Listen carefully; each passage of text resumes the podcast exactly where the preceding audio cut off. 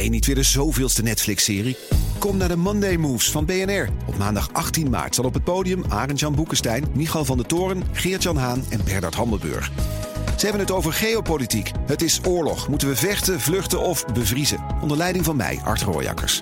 18 maart dus in het De La Mar Theater in Amsterdam. Check bnr.nl slash Monday Moves.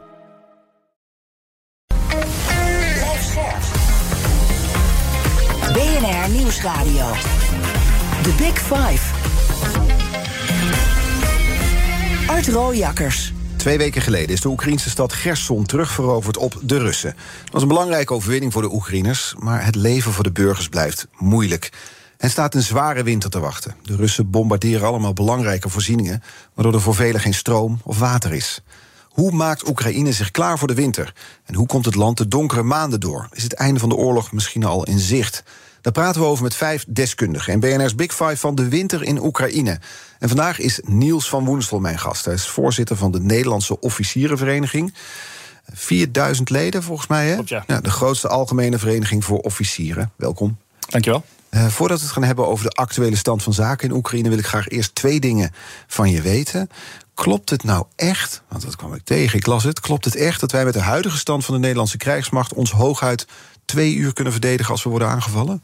Nou, ik heb wel een keer gezegd over twee dagen. Uh, en dat, dat zou ook best twee uur zijn. Ik denk niemand dat precies weet. Maar het is wel zo dat alleen als je kijkt naar de, de hoeveelheid uh, munitie die we hebben, de voorraden dan eh, zijn die op dit moment zo laag dat we het eigenlijk heel, heel kort kunnen volhouden. En dat we waarschijnlijk inderdaad na twee dagen moeten opgeven. Komt het omdat die munitie allemaal naar Oekraïne is gegaan of was het al zo? Nee, dat was al heel lang zo. En uh, er is uh, natuurlijk nu extra geld voor Defensie bijgekomen. En daarmee is ook een groot deel daarvoor is bestemd ook voor het verbeteren van die voorraden. Maar de achterstand die we de afgelopen ja, tientallen jaren opgelopen hebben, die is zo groot. En het is ook nu lastig om, uh, om munitie en uh, een nieuwe wapensysteem te krijgen natuurlijk. Omdat al de landen doen dat gelijktijdig uh, het weer op orde brengen voor een krijgsmacht. Ja, dus het is, het is gewoon, er is veel vraag en niet per se meer aanbod. Ja, leeftijden worden daar langer, de prijs gaat omhoog. en we hadden en natuurlijk uit, al... Uit alles ongeveer. was wel gewoon niet goed. Ja. en we hebben natuurlijk ook nog het probleem vaak dat je... Je hebt met verschillende systemen kan je ook verschillende soorten munitie. Niet alles kan met elkaar schieten. Mhm. Mm -hmm. Dus daar is ook nog heel veel winst te halen. En dan, ja, dan is het te lastig om met het wat we nu hebben, om het lang vol te houden. Ja. Een paar jaar geleden werd er nog een beetje lacherig over gedaan Tweede Kamer. Dan moest er maar pang pang gezegd Ja. worden, militair op missie. Ja, ik, dacht, ik vond dat toen een beetje een verkeerde opmerking. Maar uh, want ik, ik denk dat dat natuurlijk nooit zo is geweest. Maar het is, het is wel, we hebben heel veel jaren gehad waarin uh,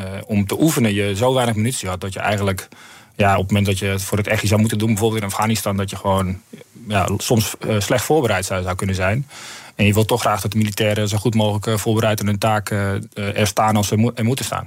Wat zegt dat eigenlijk in jouw ogen? Mag je je zeggen? Ja, uiteraard, graag zo. Wat zegt het in jouw ogen dat we ons twee uur, twee dagen, in ieder geval heel kort zouden kunnen verdedigen? Ja, kijk, voor mij moeten we niet zo focussen op hoe lang we het volhouden. Want um, dat is natuurlijk de vraag van wat, wat gaan we doen. En we, Nederland is, heeft niet nu direct een dreiging dat we aangevallen worden. Dat morgen er een land binnenkomt en zegt van uh, we gaan Nederland innemen. Uh, dus, maar het, het, heeft wel te maken met onze veiligheid als Nederland. En ook als, als in bondgenootschappelijk verband. En uh, onze, onze krijgsmacht is gewoon in, niet in goede staat. En zou eigenlijk dus. Um, om een betrouwbare partner te zijn voor die bondgenoten van de NAVO en van de EU. Uh, zouden we de, dus meer moeten investeren in onze krijgsmacht. Dat doen we nu ook. Maar ja, de, de weg terug is zo lang. Uh, en we hebben natuurlijk heel veel opgegeven de afgelopen tientallen jaren. Ik heb nou, bijna mijn hele carrière gezien dat we bezuiniging op bezuiniging maar weer zeiden. Van nou, het moet toch maar gebeuren. Mm -hmm. en, en nu zie je dat het dan de weg terug weer uh, een lange weg is. Ja. We gaan het er straks nog over hebben, over de stand van de, de krijgsmacht. Tweede vraag die ik je wil stellen is dat naast voorzitter van de Nederlandse Officierenvereniging... je nu 25 jaar officier technische dienst bent. Ja, ja klopt. Ja. Krijg je dan eigenlijk in het leger een gouden horloge? Nou, nee, je krijgt, uh, Gouden pistool, ja, je krijgt een medaille. Ik heb hem, uh, in ieder geval de baton van heb ik uh, op. Dus, ja. ja. Gefeliciteerd met die Ja, kwart eeuw. Je zit dus echt in de operatie. Heeft Nou, dat, ik zit niet in de operatie. Kijk, ik ben nu echt van vakbondvoorzitter. Ja. En uh, ik, ik, ik werk dus ook eigenlijk uitgeleend door Defensie nu uh, aan de vakbond. En ik ben dus ook fulltime bezig als voorzitter. dus daarmee heeft de oorlog in Ja. Oekraïne jouw werk niet veranderd? Nee, het is, niet zo, het is niet zo dat ik direct betrokken ben bij, uh, bij de operaties of bij de oorlog. En dat, Mhm. de informatie die ik krijg heb ik ook voornamelijk vanuit uh, openbare bronnen en vanuit collega's uh, Ja. bij Defensie. Ik, ik ben eigenlijk een, paar jaar niet werkzaam bij Defensie, maar ik ben natuurlijk wel heel betrokken. En ik heb wel al die jaren bij Defensie ook mijn functies gedraaid, ook operationele functies, ook functies ja, in Den Haag. En ja, nu, nu als vakbondsvoorzitter. Ja, je volgt alles, hè? Rondom Ja. de oorlog in Oekraïne. Nou, zeker eh, sinds de oorlog begonnen is, dat is natuurlijk voor een militair is dat natuurlijk ja, een heel nou, indrukwekkend, eigenlijk een verschrikkelijke gebeurtenis... Die, we, die ik heel lang ook niet had zien aankomen en ook niet meer verwacht had. Uh, het is ook je vakgebied, dus wil je er alles van weten. Ja, zeker. Dat is absoluut waar. Je merkt ook, uh, niet alleen ik, maar uh, alle, alle, collega's bij Defensie... Die, die, die, mindset die we in één keer hebben van... ja, je, je weet weer waar, waarom die krijgsmacht er is. Dat, dat, merkt men in Nederland ook meer. Maar dat beseft ook van... en, en het feit dat die krijgsmacht zo lang is kapot bezuinigd... dat iedereen wil heel graag die krijgsmacht er weer bovenop brengen. Mm Er wordt gewoon nu aan alle kanten opstaven bij eenheden keihard gewerkt. Zorgen dat de geoefendheid weer op orde wordt gebracht. Mm Um, en dat is een lange weg, maar ik merk wel dat er heel veel, uh, een hele grote drive is bij heel veel militairen om, uh, ja. om het te doen. Ja, om het er ook in geloven. Ik wil even naar Oekraïne kijken. Want wat ik me afvroeg, maar ik ben geen officier en ik ben, ik ben een leek, maar ik zat me af te vragen als de Russen zich terugtrekken. Wat gebeurt bijvoorbeeld uit Gerson? Ze hebben nu een kleiner gebied in handen. Nou ja, we hebben nu het WK voetbal. Als je met veel man op een kleiner veld staat, dan is het moeilijker aanvallen. Ja, is dat ook zo in, in, in Oekraïne? Ja, kijk, om te beginnen, eh, ik, ik ben niet een, een, ik ben geen defensie-expert zoals mm soms dat wordt gesteld. Hè, van, uh, want ik, ik vind het heel fijn dat ik deze, in dit mooie rijtje deze week ja. mocht staan van Big Five. Um, en, natuurlijk heb ik, ik heb ook mijn oefening gedraaid op uh, militairen, maar ik krijg ook mijn informatie vanuit ja. uh, Rusland. Dus tot zover de disclaimer. Maar ik vraag het als het is, wel, het, is, het is inderdaad officier. wel zo dat je... Je zag in het begin dat Rusland ervoor koos om op uh, heel veel assen die aanval te doen. Ze dachten eigenlijk van we gaan heel snel even uh, Oekraïne op de knieën brengen. Dat is natuurlijk een grote misvatting geweest. Dat heeft allerlei oorzaken. Kunnen we misschien zo ook nog even over hebben. nu is het gebied waar het om concentreert natuurlijk in verhouding veel kleiner ook Oekraïne heeft ook het uh, initiatief overgenomen in de oorlog. Al sinds de zomer zie je dat heel duidelijk gebeuren. Met de bevrijding van Gerson natuurlijk uh, recent. Mm -hmm. uh, nu met het invallen van de, van de winter... komt er natuurlijk wel een periode in waarin het nou, betrekkelijk nu rustiger lijkt. Zeker nu die periode nog heel erg drassig wordt. Als het misschien zo meteen wat hard stijf bevroren grond is... dan zou er weer wat meer kunnen. Maar nu wordt het heel lastig voor grote eenheden om te verplaatsen. En dan, Omdat gewoon de grond te drassig en dan kun je er niet overheen... Ja, als je, als je met, we praten, kijk, ik heb wel eens oefeningen meegemaakt van een paar duizend militairen. En dat was voor Nederlandse begrippen was dat een hele grote oefening. Maar als je nu over de, de tienduizenden, honderdduizenden militairen... die daar ingezet zijn in, uh, in Oekraïne praat... ja, dat zijn orders die ik nog nooit van mijn leven heb meegemaakt... en ook bijna niet kan voorstellen. Dan heb ik nog best wel als militair daar nog een beeld bij. Dus. Ja, want je bent bijvoorbeeld in Afghanistan geweest. Ja, ja. En daar heb je dan ook wel meegemaakt, kan ik me voorstellen, dat het weer een, een rol speelt in, in, een oorlog. Nee, zeker. Kijk, eh, natuurlijk is dat een heel ander gebied met heel andere weersomstandigheden, waar juist de hitte uh, en de droogte en, en het stof uh, veel meer van belang zijn. Uh, maar het waren een heel andere, andere optreden, een hele andere operaties. veel kleinschaliger in de zin dat je daar niet met, wat nu gebeurt, dat je met brigades en groter gevechten voert. -huh. Dat was natuurlijk in Afghanistan niet. Er was ook een hele uh, de tegenstander, hè, de Taliban, was ook uh, een, het was een asymmetrische oorlog, noemen we dat dan. Dus de tegenstander is in verhouding ja, veel minder technologische wapens. Uh, het lijkt veel kleiner, maar, maar buit dat op een hele goede manier uit. Mhm. -huh. En ja, dat kun je eigenlijk ook die twee dingen niet met elkaar vergelijken. Behalve dan dat, dat in beide gevallen oorlog gewoon een hele ja, gewelddadige iets is waarvan heel veel slachtoffers vallen en, waar, uh, en wat je eigenlijk het liefst altijd wil voorkomen. Ja, ja. Nu heb je het dus over brigades die dan ja. over het drassige terrein in moeten. Hoeveel, hoeveel man zit er eigenlijk in een brigade? Nou, in zo'n brigade zitten een paar duizend uh, uh, militairen. En het gaat vooral om de voertuigen. En, en wat vaak onderschat wordt, mensen zeggen wel eens... ja, de logistiek is misschien nog wel echt een van de belangrijkste pijlers. Natuurlijk het gevecht wat in het front gevoerd wordt, dat, daar wordt altijd focus op gelegd. En uiteindelijk is daar ook de het, het gedeelte van, het, uh, van de operatie waar je de, de winst mee pakt. Ja. Hè, waar je uiteindelijk een het wordt wel misschien hebt. beslist aan de hand van de logistiek. Maar die logistiek is natuurlijk ook, en dat zie je ook in, de, in deze oorlog, heel bepalend uh, geweest. En ja, je kan je bijna niet voorstellen. Er wordt, ik heb van de week ook gelezen dat per dag ongeveer 50, 60.000 granaten worden weggeschoten. Alleen aan de Oekraïnse kant. Ja, als je dat in, in, in containers en met vrachtwagens moet vervoeren, dat is gewoon een, een file bij wijze van spreken die je dus uh, moet doen. Dus de, om, om die om dat gevecht te kunnen voeren, is de logistieke uitdaging echt enorm. Ja, en daarvoor zijn weersomstandigheden dus heel bepalend. Daar, is, daar is zeker eh, weersomstandigheden bepalend. Want, maar ik, wat ik me dan, want er wordt dan gezegd, het terrein is drassig. Maar ik neem aan dat ook op een slagveld... De, het, Oekraïne is een land waar wegen lopen. Daar ja. kun je dan toch overheen rijden? Ja, dat kan ook. Maar dat is natuurlijk dan ook weer een, dan een, een punt... wat je makkelijk kan aangrijpen als, als tegenstander. Uh, dat je zorgt dat je, als je dat nou, als je bij wijze van spreken de voorste voertuig van een kolonne. Uh, is die weggeblokkeerd? Ja, dan is die weggeblokkeerd. En, uh, en kijk, wat ik zeg, ik weet niet hoe dat allemaal op het, uh, het gebied zelf nee. gebeurt. Nee. Maar in ieder geval, het is niet zo makkelijk als met oefeningen.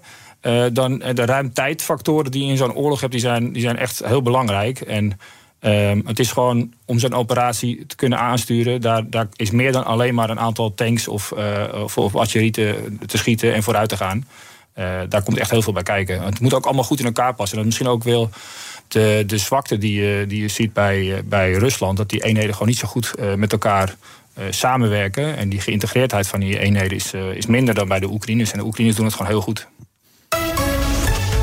The Big Five. Art Rojakkers.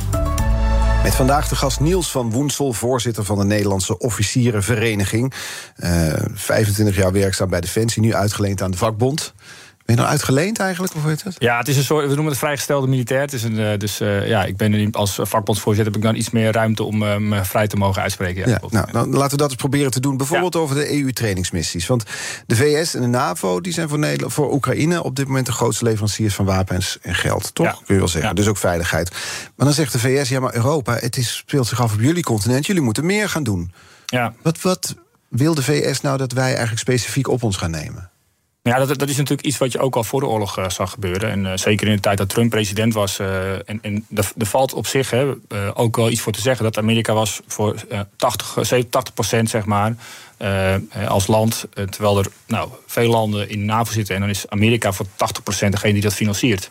En ook nu zie je dat in de, in de oorlog weer. Bijvoorbeeld, ik, er ongeveer 40 miljard aan, aan steun, aan militaire steun gegeven aan Oekraïne. Mm -hmm. 28 miljard daarvan komt van de VS. Um, dus ook daar zie je dat we zo afhankelijk zijn van, uh, van Amerika. Uh, Amerika heeft natuurlijk ook de focus steeds meer richting China. Die heeft nou echt een, een ja, een, een hele grote competitie met China gaande. En die wil het liefst ook niet uh, wat meer die shift richting China en, en zich wat minder om uh, het Europese gebied. En ik denk van ja, laat, laat Europa dat zelf maar doen. Op zich is daar ook wat voor te zeggen. Wat zou Europa moeten doen?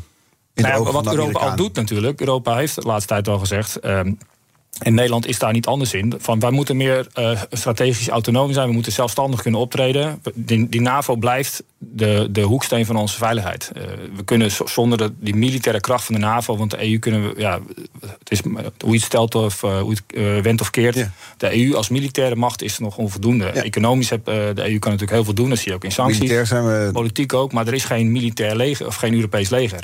en dat is natuurlijk binnen de NAVO... hebben ze wel met het, het NAVO de NAVO-macht, uh, zeg maar, die er is, de NATO Force uh, die we hebben, die kan dat natuurlijk wel. Dus uh, het plan is eigenlijk dat het en-en is. Nederland investeert en in de, in de Europese samenwerking, ook meer op militair vlak. Mm -hmm. Maar die Europese samenwerking op militair vlak wordt ook ingezet in NAVO. Omdat heel veel van die landen natuurlijk zowel in NAVO als bij de EU zijn. Ja. Uh, en dat, dat, is op zich ook uh, heel logisch. Ja, maar dus zegt Amerika en Europa, doe meer. We, we, hebben op dit moment in Europa de grootste trainingsmissie ooit, militair, de EUAM. Ja. Klopt, hè? Wat, wat houdt die missie in? Nou, de grootste is, wat, wat, wat je nu dus ziet, hè, dat, uh, dat de, de NAVO zegt eigenlijk... we gaan helpen met het uh, trainen van die Oekraïnse militairen. 15.000 uh, Oekraïnse militairen worden ja, getraind, en, toch? In Polen en Duitsland. Precies. Ja. En dat, dat, dat, gaat dus, dat is al begonnen net. En dat, dat gaat nog veel meer gebeuren. Dat begint misschien op kleinere schaal. Er zijn natuurlijk al Oekraïnse militairen in het Verenigd Koninkrijk getraind. Ook Nederlandse militairen hebben daar... Uh, aan meegewerkt. Ja, daar wil ik naartoe, want ik vroeg me dus af... als je dat in, uh, in je gedachten houdt, dat Amerika zegt Europa doet meer... en dan is er zo'n grote trainingsmissie. 15.000 Oekraïnse militairen worden getraind in Polen en Duitsland... eerder al in Engeland. Onze Nederlandse bijdrage, 50 tot 100 militairen. Dat is ja. niks. Nou, dat, ik weet niet of dat niks is. Kijk, ik, ik, weet niet, ik ken de aantallen niet uit mijn hoofd van de rest nee, van de landen. Ik kwam er tegen, die, maar, die getallen. Je, het is wel zo dat uh, Nederland geeft wel degelijk significante bijdrage. En of het niks is of niet, ja, ik denk dat je dat vooral de minister moet vragen. Maar als je dan wat, denkt, wat je hebt aan de ene kant de Amerikanen die zeggen... jullie moeten meer doen, nee. en wat doen wij? 50 tot 100 man. Ja, het is misschien ook wel weinig. Wat ik wel denk, hè, ik, en ik heb die mensen allemaal persoonlijk niet gesproken... maar we, we, hebben wel hele goede feedback gekregen... van wat we in de Verenigd Koninkrijk gedaan hebben. Ik geloof ook oprecht hè, dat Nederlandse militairen... en ik ben daar zelf ook een van... dat uh, Nederlandse militairen gewoon in wat we doen, zijn we gewoon heel goed. Ja, het Alleen, gaat me niet om de kwaliteit, dat geloof ik zeker. Maar de kwantiteit, als, we, als ja, wordt gezegd van over de oceaan... Europa, doe nou eens ja, meer. Het is ook Voldoen die NAVO-normen, dan hebben we 50 tot 100 man. Die we ja, je moet je ook afvragen hoe dat uh, naar andere landen uh, af, uitstraalt. Hè? Als wij constant maar heel beperkte bijdragen. Voor mij is uh, recent ook een, een NAVO-review geweest, zeg maar, een soort NAVO-evaluatie. Onderaan, hè, ja, Nederland. Da, daar, daar, daar, zie je ook dat Nederland, nou, dat er best wel veel kritiek is op wat Nederland levert. He, Nederland gaat nu eindelijk ook die 2% uh, betalen die eigenlijk de NAVO al langer geëist heeft. Mm -hmm. Maar uh, dat we in onze bijdragers, wat, wat we uiteindelijk een capaciteit kunnen leveren. Dan nog op jouw niveau als officier, want dan kom je buitenlandse collega's tegen. Daar is dit ongetwijfeld een gespreksonderwerp. Moet jij dan de hele tijd zeggen? Sorry, nou, ik kom weinig buitenlandse collega's tegen, zeker in dit werk. Ehm, dus ik focus me vooral vaak op wat we voor de militairen en de Nederlandse militairen doen. Vanuit de vakbond. Maar ik bedoel eigenlijk in een EU-verband. Maar ik kan me wel goed voorstellen. Ik ben recent in Brussel geweest. en ik kan me ook wel goed voorstellen dat, dat, dat Nederland is echt een van de rijkste landen van Europa. En dat je dan als een van de rijkste landen militair zo'n beperkte bijdrage kan leveren, dat is natuurlijk wel schrijnend. En ik kan me ook. Ik geloof oprecht dat er te weinig besef is in de politiek. Dat dat uiteindelijk ook je positie op andere uh, dossiers. Uh, dat het ook wel kan, invloed kan hebben. Zeg. Op wat voor manier? Nou, als jij uh, een heel betrouwbare partner bent. en als jij ook altijd zeg maar, uh, deelneemt en bijdraagt, dan kun je bijvoorbeeld ook op als het om economische zaken gaat of als het om andere politieke zaken gaat, dan uh, dat is, het is uiteindelijk ook vaak een mensenkwestie. Mm heb je vertrouwen in de persoon waar je mee praat en de vertegenwoordiger die namens Nederland daar komt. Ja. En dan kan het, als je daar uh, op andere dossiers misschien wat minder betrouwbaar bent, kan het invloed hebben, zeker. Dus als je aan de ene kant het rijkste land bent en aan de andere kant de klaploper van de NAVO, dan komt het niet heel lekker over. Aan de andere kant, ik heb uh, niet een heel duidelijk overzicht wat andere landen bieden. Je ziet de laatste tijd op Nederland ook op het gebied van, uh, van het, het, breng, het uh, leveren van wapens en ook andere zaken. Bijvoorbeeld, gisteren is een bericht gekomen dat we gaan een hospitaal leveren samen met, met Estland en met, met Noorwegen, geloof mm -hmm. ik. we hebben natuurlijk ook de, de gestuurd. We, gaan nu, we hebben ook geld beschikbaar gesteld om direct vanuit de fabriek naar Oekraïne uh, wapens te leveren. Dus er gebeurt heel veel. Mm -hmm.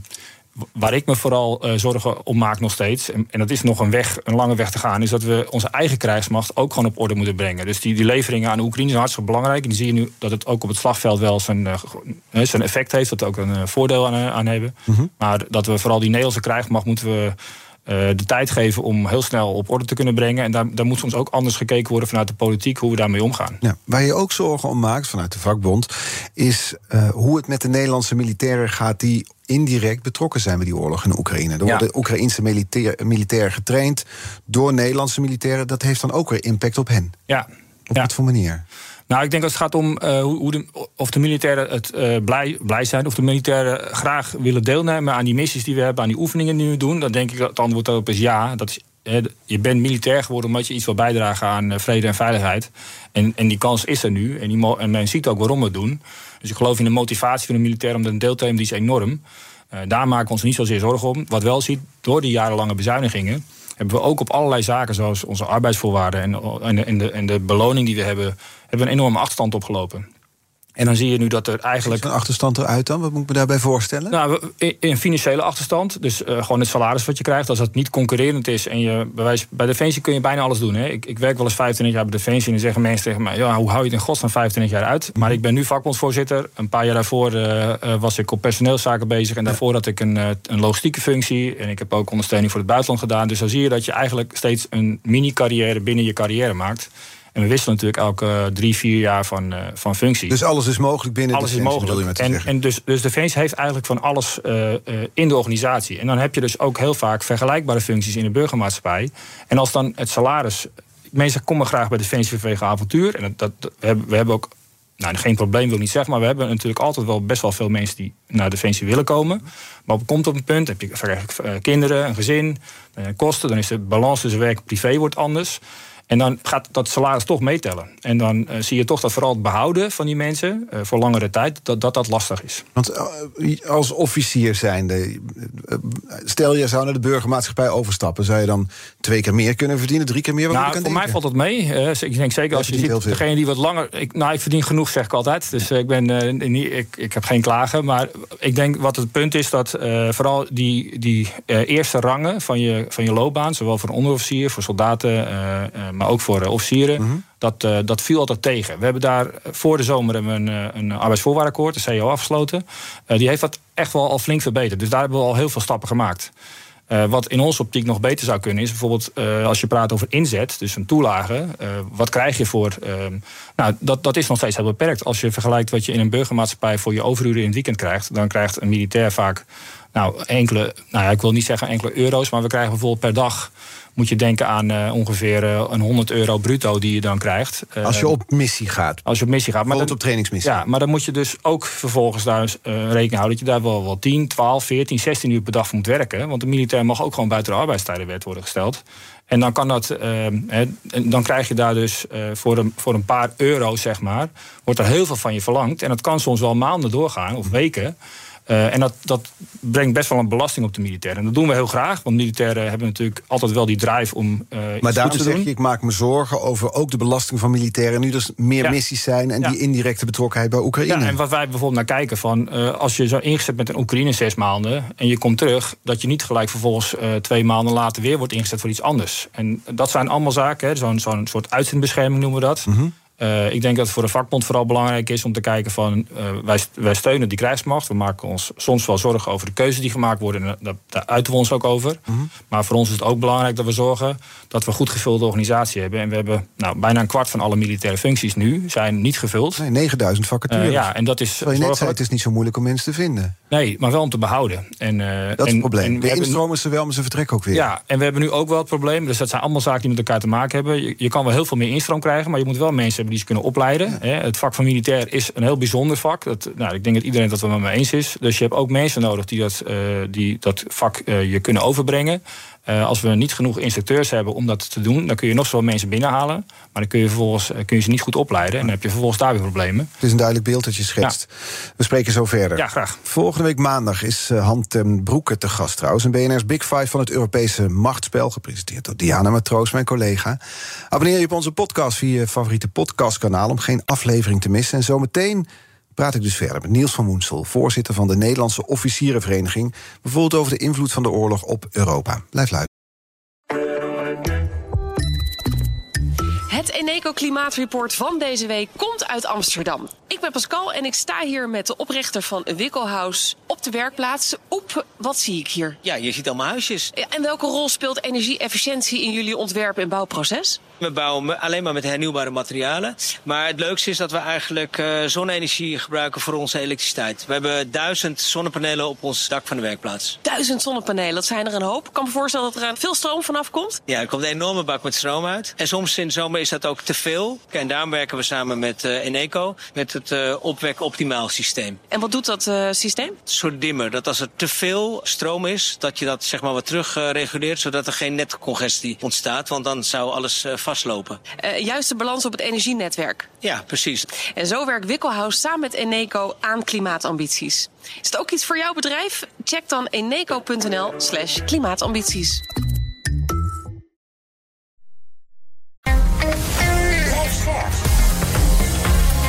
BNR Nieuwsradio. The Big Five. Art Rooijakkers. Welkom bij tweede halfuur. Deze week vijf kopstukken over de winter in Oekraïne. Gisteren sprak ik met Ruslandkenner Laura Starink over de Russische mentaliteit. Is terug te luisteren via bnr.nl en de bekende podcastkanalen. Vandaag de gast Niels van Woensel, voorzitter van de Nederlandse Officierenvereniging. En het komende half uur wil ik graag nog twee onderwerpen sowieso met je bespreken. Namelijk hoe onze Nederlandse defensie ervoor staat. We hebben het al over gehad, maar ik wil er toch meer van weten. En de invloed van de oorlog in Oekraïne op de Europese defensie. Als we eens naar dat laatste kijken. Um, nee, dat gaan we niet doen. Ik heb eerst een kettingvraag voor je. Daar ben ik eigenlijk okay, wel benieuwd ja, naar. Laura Staring was gisteren mijn gast. Zij is Ruslandkenner. En ze had een vraag die mij toch ook wel hoog zit. Dus vandaar dat ik daar graag mee wil beginnen. Okay, Hier komt die. Hoe kan het toch in godsnaam dat alle militaire experts in Oost en West... zowel het Russische leger als het Oekraïnse leger... totaal verkeerd hebben ingeschat? Er zit een oordeel in die vraag, je hoort het, hè?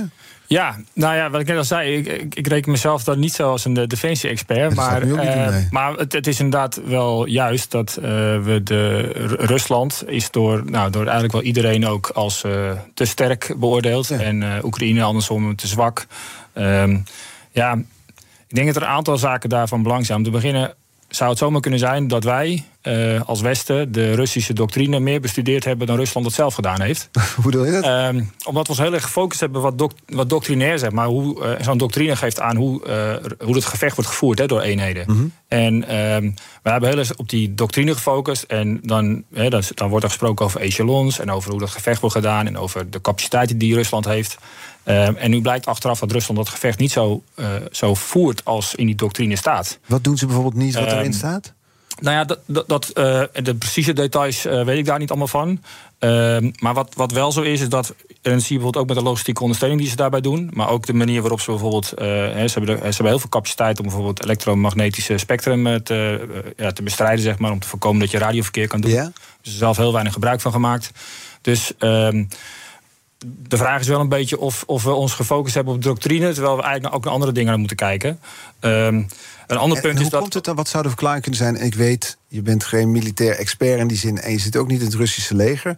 Dus die disclaimers zijn er. Maar wat zou het- de verklaring kunnen zijn voor het feit... dat Rusland zich niet aan zijn eigen doctrine houdt? Nou, wat, wat, en ik weet het niet, maar wat, het, wat je wel ziet is dat in Rusland natuurlijk met zo'n autoritair systeem. En eh, dat je. En dat zie je bijvoorbeeld ook. En dat zijn allemaal symbolische zaken. Hè, maar dan zie je zo'n zo'n Poetin aan tafel zitten met zijn commandanten, heel verre afstand.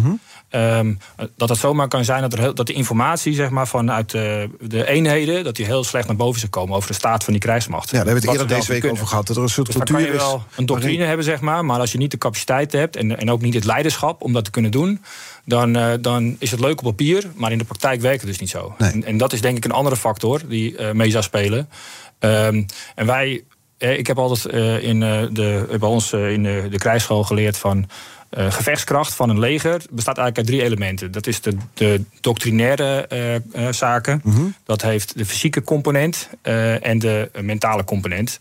Nou, die doctrinaire heb ik net al gezegd. Hè, dan zie je dus in Rusland dat het niet zo optreedt als de doctrine. Dat ze ook hun leger misschien overschat hebben. En dat juist Oekraïne heel erg uitblinkt in inventiviteit. En dat ze ook zorgen dat hun eenheden goed met elkaar samenwerken. Waar die eenheden bij Rusland veel minder goed met elkaar samenwerken.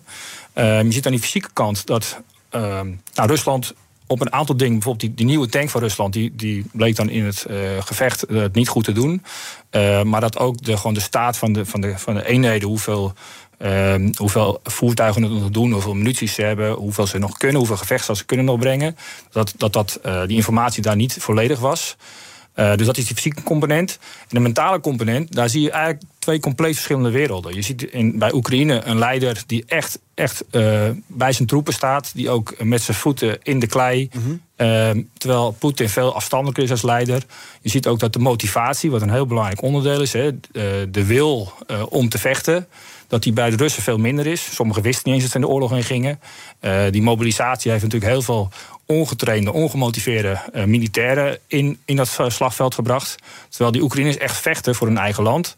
Die, die, die, wil om te winnen is bij hun veel groter. En dat zijn allemaal zaken die meespelen. Ik denk als laatste dat we misschien wel te veel gefocust hebben... juist op die fysieke, fysieke component en op die eh, conceptuele component... maar dat we gewoon het belang van die eh, mentale component... Van de- dat je echt eh, er alles voor doet om te winnen, om die vijand aan te grijpen... eh, en ook om de, de wil om door te vechten... En ten koste van alles wat je, wat je doet, want je vecht voor je eigen bestaansrecht, dat we die onderschat hebben. Ja, ja. En misschien is het ook wel zo dat militaire experts wat dat betreft op voetbaldeskundigen lijken. Achteraf is alles sowieso. uit te leggen. Ja, hè? absoluut, Ja, ja, Laten we kijken naar de, de, de invloed van de oorlog op, eh, op Europa. Want de, de verhoudingen in heel Europa zijn op scherp komen te staan.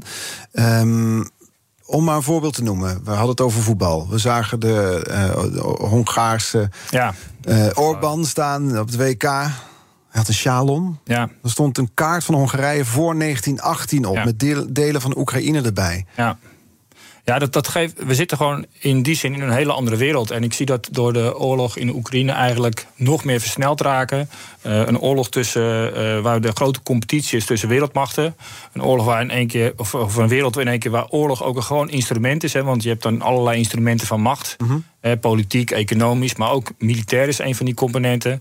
En het is weer blijkbaar ook veel ehm, nou, logischer om de militaire component ook in te zetten. om je macht eh, zeg maar, eh, uit te stralen. Ja, het is een soort Ehm, reële optie geworden. Ja, en je ziet ook dat er, dat er daardoor in de wereld zoiets als een voetbalwedstrijd, wat, wat normaal eigenlijk dat als een sportevenement werd gezien, dat het in één keer heel veel een politieke kant heeft. Van alle, alle deelnemende landen daar, daarin meegenomen. Ehm, en dat maakt de wereld, eh, denk ik, een stuk lastiger. Om, ehm, het is niet meer zo dat, dat je bent of voor eh, eh, de ene kant of voor de andere kant. Het is veel diffuser. Terwijl we juist heel erg met elkaar verbonden zijn. Ja. Economisch en op allerlei dingen zoals afhankelijkheid van, eh, ja, van grondstoffen, afhankelijkheid van technologieën. Maakt het dat ook moeilijker om te voorspellen hoe het gaat lopen? Dat denk ik zeker, ja. Ja. ja. Wat is eigenlijk Ja. makkelijker te voorspellen? Of Oranje morgen gaat winnen of wie de oorlog gaat winnen? Eh, nou, ik durf me bij allebei niet eh, een voorspelling te doen. Ik hoop wel dat in beide gevallen dat zowel Oranje wint als Oekraïne. Maar dat lijkt me natuurlijk logisch. Ja. Ja, dat snap ik. Ja. Over Oranje twijfel ik wel hoor. Ja, nou, ik ook wel eens. Maar eh, ja, weet je, het is echt zo wat je zegt. eh, als Oranje één wedstrijd gewonnen heeft, dan zijn we in één keer weer allemaal voor. Ja, en dan is het beste team van de wereld. En dan één mindere wedstrijd. En eh, alle experts en wij zelf ook als Nederlanders zijn in één keer heel erg in een uh, doem-scenario aan het Ja, kijken. ja. Die, die, die, die, die, ernst, die, die spanning, die toegenomen spanning, die zie je ook in concrete incidenten eigenlijk terug. Hè. Er was bijvoorbeeld een cyberaanval, ook een manier van oorlogsvoering, die op de website van het Europees Parlement werd uitgevoerd. Volgens mij was het een week of twee geleden. Ja. Hoort dat eigenlijk bij ja, een oorlog die in Oekraïne dan speelt en dat de, laat dat zien dat wij er op een bepaalde manier dus bij betrokken zijn? Ja, ik geloof dat, dat ehm, wij ons nog veel te weinig realiseren eh, hoe, hoe belangrijk het is om veiligheid eh, als echt een van de belangrijkste aspecten in je, in je samenleving te bekijken. En, weet je, je geeft recht aan die, die cyberaanval op de EU. Kijk, Rusland heeft altijd al, eh, ook voor de oorlog, geprobeerd om die, die samenhang van de EU uit elkaar te halen. En dat ging eigenlijk voor de oorlog ging dat heel goed. Juist door de oorlog is eh, de samenwerking tussen EU en tussen de NAVO-landen weer heel Beter veel verbeterd. Ehm, dus misschien is dat, dat is absoluut een verkeerde inschatting van, eh, van Poetin geweest. Maar ik denk dat we ook in Nederland ons moeten beseffen dat veiligheid gewoon iets is wat constant eh, op je radar zou moeten zijn. En eh wij hebben te lang gekeken van hoe met alle beslissingen die we maken, worden we er rijker van. En we moeten meer kijken, worden we er veiliger van? En die laatste vraag hebben we ons te weinig gesteld. En als we dat concreet maken, hoe doe je dat? Dus Nou- niet met de vraag, worden we er rijker van, maar worden Nou, we er veiliger van? Dat is heel lastig. Eh, ik denk, wat bijvoorbeeld heel weinig mensen weten, is op 4 november is er de Nationale Veiligheidsraad eh, ingericht. Daar is al heel lang om gevraagd. Heel veel Ja. landen hebben dat ook. En dat is dat je eigenlijk zegt van we gaan in Nederland de veiligheid integraal bekijken. Dus niet iedereen zelf. We, er is van een week ook in het nieuws geweest eh, dat er op universiteiten allerlei invloeden van buitenaf, hè, Iran, eh, China, Rusland, via studenten, via gelden die worden, ge, eh, worden geïnvesteerd in die universiteiten. Ehm, dat geeft invloed van die landen. Die Ja. landen krijgen daar ook informatie van ons over technologie, over andere zaken. Daar moeten we ons kunnen- bewust van zijn, wil je maar Ja. zeggen. Ja. dus ik, ik denk dat onze samenleving moet weerbaarder worden tegen de beïnvloeden van buitenaf. Dus een soort hybride conflict wat daarmee eh, gaande is. En daar moeten we gewoon ons meer bewust van zijn. En ook zorgen dat we daar op allerlei zaken meer eh, weerbaarder ook op zijn. Dat is ook eh, bijvoorbeeld Het is dat. toch, nee, ik probeer het concreet te maken. Want ik snap, ik Ja. snap het punt wat je wil maken. En tegelijkertijd, ja, dan loop je op een universiteit. Er lopen allemaal internationale studenten. Je kan moeilijk iedereen uit één bepaald land nu de hele tijd in de gaten gelopen houden. het niet geheimen want proberen Daar is te ons, ons land ook niet voor. Ons land is juist heel open. Ja, dus hoe doe je dat dan? Ja, dat is om te beginnen, denk ik, eh, wat ik zei. Hè, dat je dus die, die veiligheidsraad is denk ik een belangrijke eerste stap. Dat we, dat we bewustwording is Ja. daar een heel groot ding, een groot zaak in. Door het bijvoorbeeld hier te bespreken alleen al. Ja, door het, alleen al dit door te spreken. Ik heb ook begrepen dat er deze week eh, daar een campagne over gemaakt. Van de week eh, was het eh, de NCTV en. Ja, we eh, moeten allemaal een noodpakket in huis hebben. Hè? nou ja, ook dat zijn zaken. Bijvoorbeeld in Finland. Ik heb eh, eh, tijdens mijn studie eh, aan de militaire academie heb ik eh, gekeken naar Finland van hoe doen zij dat als land. Hè? En Finland is natuurlijk. Heeft die dreiging van Rusland veel meer gezien. Ja, buurland, maar je ziet dat ja. Finland eh, echt de hele maatschappij is ingericht om die, die verdediging, eh, om die veiligheid eh, belangrijk te maken. Dus ook het feit dat als er iets gebeurt, en het kan in Nederland zou bij wijze van spreken het uitvallen van stroom, het, het, het uitvallen van het internet, waardoor er enorme problemen in Nederland ontstaan, dat mensen wel zelfredzamer zijn. Ja. En dan klinkt het zo lullig, hè? maak een pakketje voor vier dagen. Maar dat, dat pakketje voor vier dagen, als het een keer echt zou gebeuren, dat betekent wel dat de veiligheidsinstanties, zoals het leger en de politie en de brandweer, zich niet druk hoeven te maken om die burgers, want die redden zichzelf een aantal dagen, Mhm. maar zich gelijk kunnen focussen op datgene wat er gebeurt en hoe ze dat het beste kunnen eh, bestrijden. Vandaar ook die oproep eerder deze week van Ja. de NCTV, ook de MIVD volgens mij, de MIVD, AIVD, ja, ja. die gezamenlijk zeiden van zorg nou ook als burger dat je voorbereid bent op bijvoorbeeld het Precies. uitvallen van internet. Of is- wat moet er in zijn pakket zitten volgens de Nederlandse officier Nou, ja, kijk, we hebben, ik heb natuurlijk een hele militaire uitrusting daarvoor. Dus ik denk dat het. Uh, maar ik moet zelfs eerlijk zeggen. Wat zou je mij aanraden? ik dat las, toen dacht ik ook wel van ja, heb ik ook wel zo. Vroeger hadden we van die, van die, uh, die, die knijpkatjes. En uh, het zal ik me ook wel denken. Heb, ik wel, heb ik wel een zaklamp nu bij bijvoorbeeld bij een stroomkast zitten. Dat als er stroom uitvalt, dat ik in ieder geval met een zaklamp erheen kan. Wat is het antwoord? ik denk, nee, dat heb ik niet. Dat was het antwoord. Dus in die zin moet ik ook de dus hand in eigen boezem steken. Een zaklamp bij de familie van Woensel. Ja, Sinterklaas komt eraan. Wat hebben we meer nodig? Misschien nu het beste, degene die zaklampen verkoopt, die kan heel snel een paar nieuwe voorraad gaan aanmaken. BNR, dus dat is een goede investering. dit soort dingen, nou ja, niet, niet vanwege mijn uitzending hier alleen, maar ik denk als het, als het steeds meer bekend wordt, dat, dat zullen mensen doen. En je hebt van die preppers, hè, dat is dan mensen die dat al een hele leven doen. Ja. die worden nu in één keer uh, wat meer serieus genomen. Dus, en, en dus het, is veel te veel focus op dit. Want ik denk een ander belangrijk punt is bijvoorbeeld we hebben al heel veel lang problemen dat er informatie uh, via social media, maar ook via alle andere kanalen in ons land komt. En dat dat ook onze maatschappij uit elkaar trekt. Mm -hmm. Die desinformatie, gewoon het, het, het, feit dat mensen eerst denken: van klopt dit wat ik hier lees op internet of in dit krantje, klopt dat wel? Is dat, uh, wat, wat is de bron daarvan? Google even iets verder dan alleen maar wat je ziet. Want je zit natuurlijk in je eigen social media bubbel.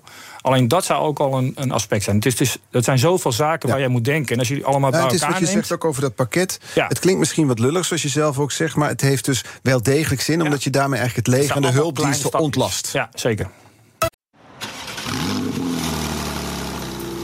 De toekomst roept.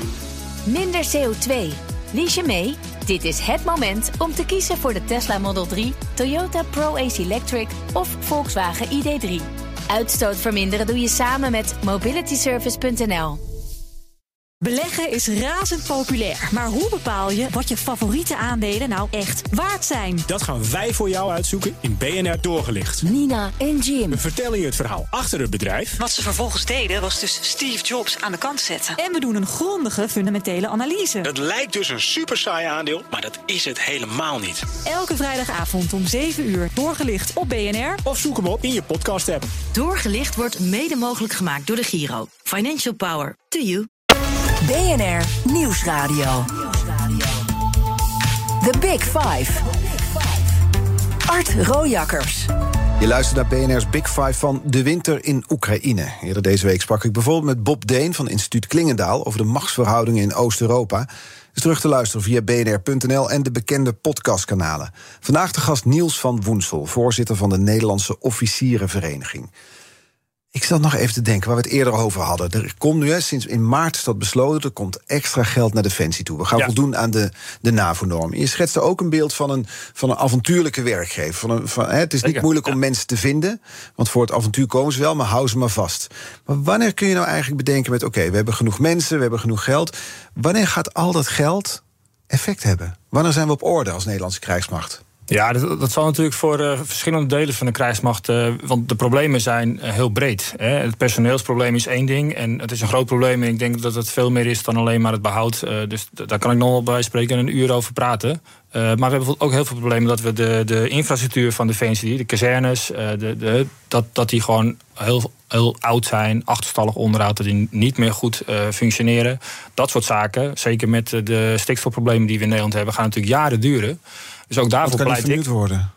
Sorry? Het kan niet vernieuwd worden. Nou ja, het kan niet vernieuwd worden. Nu is het geld er wel, maar, uh, of er is in ieder geval een deel van het geld. Maar dat, voordat het allemaal verbouwd is en gedaan is, dan gaan we natuurlijk ook jaren verder. Bestellingen van nieuwe wapensystemen, dat, dat, dan moet je ook rekenen dat er enorme looptijden zijn. Als je ziet hoe lang we erover doen om, uh, om, uh, om de duikboten te vervangen, zeg maar. JSF. Dan, ja, dat is natuurlijk ook een lang project geweest. Eigenlijk moeten we daar ook sneller, en dat, dat, dat beseft de VNC zich nu ook te degen, dat, we, dat die uh, die tijd om nieuwe systemen uh, binnen de krijgsmacht te krijgen om het oude te vervangen, dat moet gewoon veel sneller. Um, maar dus hebben we het over een project, is dat over drie jaar afgerond? Over nou ja, tien jaar afgerond? Vijf tot tien jaar moet je zeker rekenen voordat je weer een krijgsmacht hebt. En dat is het, het, het treurige van het eigenlijk ook. En um, dat we hebben jarenlang geroepen, eh, dit kan niet. Je kan niet nog een keer een miljard bezuinigen in 2011. Je kan er niet nog een keer uh, zoveel geld eraf halen. Toch is dat steeds gebeurd. De politiek heeft daarvoor gekozen. Uh, en eigenlijk werd een paar jaar geleden al geroepen... ja, die krijgsmacht is niet meer in staat om de opgedragen taken te voldoen. Nou, je zou denken verschrikkelijk, want we zijn niet meer veilig in Nederland. Maar er was niemand die zich daar heel erg druk om maakte toen. En eigenlijk heeft het pas toen de oorlog ontstond, toen werd pas de verontwaardiging echt zo groot dat men zei: er moet nu wat veranderen. Daarvoor ook wel een beetje, maar nog onvoldoende. Mhm. Ehm, en ja, zelfs nu met de oorlog kun je je nog afvragen: ja, beseffen we ons wel eh, voldoende dat die krijgsmacht nog zo lang niet eh, in staat is om eh, de opgedragen taken te voldoen? Ja, Dus dat is wel, vijf eh, tot tien jaar voordat het op orde is. ja. Ik wil dus niet zeggen dat we nu niks kunnen doen, hè, want Nee, we, we doen maar wel. voor het achterstallig onderhoud Er, er wordt nu in Roemenië eh oefening gedraaid. We hebben natuurlijk de, de, de mensen in Litouwen hebben we de, het aantal mensen daar verhoogd. Eh, Er, er komen allerlei nieuwe projecten binnen bij Defensie. Dus je ziet wel de eerste stappen. Maar voordat je gewoon weer volledig kan zeggen: ja, dit is een krijgsmacht eh, die eh, voor haar taak berekend is, om het zo maar te noemen. Dan zijn we echt wel heel veel verder. Ja. En heel veel is vijf tot tien jaar. Ja. Stel dat we toch dan voor die vijf tot tien jaar... Stel nu, hè, we hadden een poos geleden die raketten... die neerkwamen net over de grens in Polen. Ja. Uh, uiteindelijk bleken dat waarschijnlijk afzwaaiers te zijn. Dus hoefde Ja, artikel gelukkig wel, ja. 5 niet uh, in gang te worden gezet bij de NAVO. Stel nou even dat dat toch het geval was geweest... en dat uh, het bondgenootschap in actie had moeten komen. We hebben twee Nederlandse landmachtbrigades... die we dan mee Ja. laten doen. Ja, ja we hebben er drie. Ja, eh, maar de NAVO, vraagt, eh, eh, eh, de NAVO vraagt een aantal capaciteiten van Nederland. En eh, kijk, de focus. eh, ik heb van de week ook daar een krantartikel eh, in het NRC over gesproken.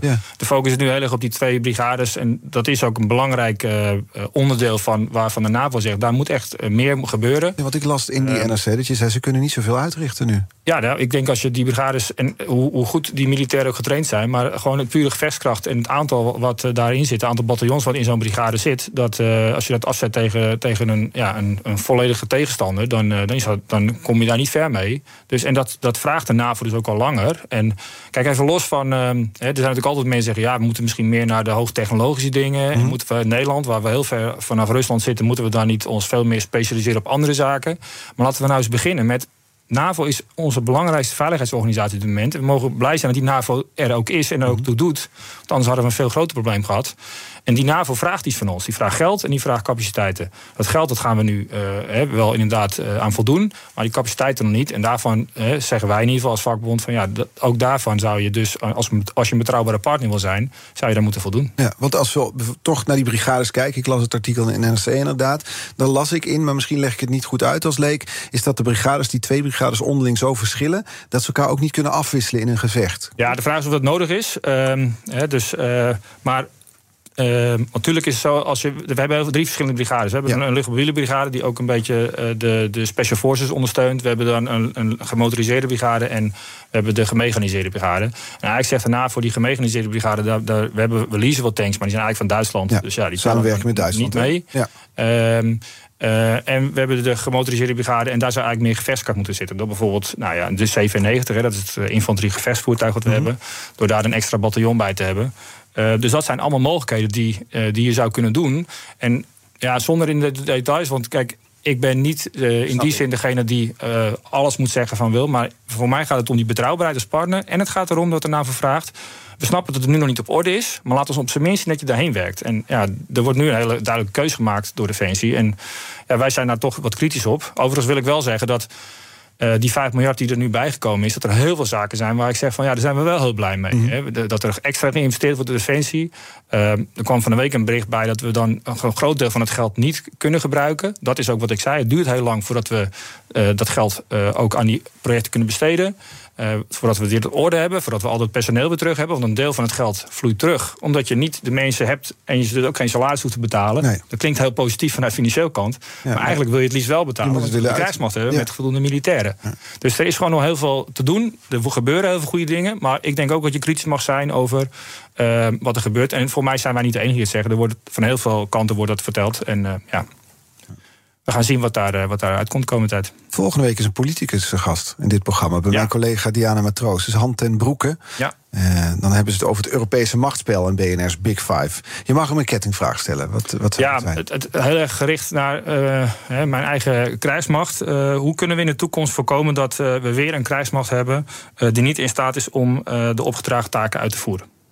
En wat is het antwoord daarop volgens Niels van Woensel? Ik denk om te beginnen dat we, eh, dat we moeten zorgen dat we nooit meer eh, politieke discussies of politieke eh, spelletjes die gebeuren vanwege verkiezingszaken of iets dergelijks, invloed moeten laten hebben op een krijgsmacht. Dat we niet zo meteen een kabinet hebben die zegt van ja, we vinden die krijgsmacht toch niet zo belangrijk. Want die krijgsmacht is er voor de veiligheid van onze samenleving. En dat, dat is volgens mij een basisrecht of een plicht die een regering heeft. Dus ik denk ook dat we bijvoorbeeld, nou ja, wat wij al eerder hebben gezegd die NAVO-eis van dat we daar nu 2%, dat we daar altijd aan moeten voldoen. Moet ook in de wet komen dat dat, uh, dat, dat zo is. Uh, zodat we niet meer bang hoeven te zijn dat in de toekomst... dan kan Defensie namelijk ook er altijd op plannen. En hoeft Defensie ook niet bang te zijn dat het zo meteen weer minder wordt. Er wordt wel eens gezegd, als je maar groot materieel hebt... zoals trekkers, en je gaat op de snelweg staan... dan krijg je zin vanuit de politiek. Jullie hebben ook best veel groot materieel. Ja, maar wij hebben als militair natuurlijk, en dat is ook een terechte, uh, een terechte beslissing, denk ik. Militairen mogen niet staken. Want dan zou het zou maar kunnen zijn uh, als wij zouden staken op het moment dat je het krijgsmacht nodig hebt. Dus vanuit het principe, er is een bijzondere positie van de militair. En een van die plichten daarin is dat je als militair niet mag staken. Er zitten nog heel veel nadelen aan vaak. ook heel veel voordelen aan het mooie beroep hoor. Dus, maar het feit dat je militair bent, is niet dat je vanzelfsprekend alles kan wat, een, wat de rest van Nederland ook kan. En één ding ervan is dat je dus niet mag staken. en dus ook minder gewicht hebt als vakbond uh, om iets af te dwingen. Ja. Ja. Kijk eens bij die andere vakbonden een beetje lacherig naar jou. Ach, die Niels, die mag uh, staken. Nou, dat weet ik niet. Maar ja, het is, we maken onderling wel soms uh, grappen erover. Maar uh, we respecteren elkaar wel gelukkig ja. altijd. Dus dat is fijn. Dank voor de komst vandaag en de inzichten en de kennis die je met ons wilde delen. Delen, Niels van Woensel. Um, alle afleveringen van BNR's Big Five zijn natuurlijk terug te luisteren. Abonneer je op onze podcast via onze app of het favoriete podcastkanaal. Kan natuurlijk ook om geen aflevering te missen. Nu op deze zender Kees Dorrestein met BNR Breekt. Fijn weekend alvast. De toekomst roept. Minder CO2. Lies je mee? Dit is het moment om te kiezen voor de Tesla Model 3, Toyota Pro-Ace Electric of Volkswagen ID3. Uitstoot verminderen doe je samen met mobilityservice.nl.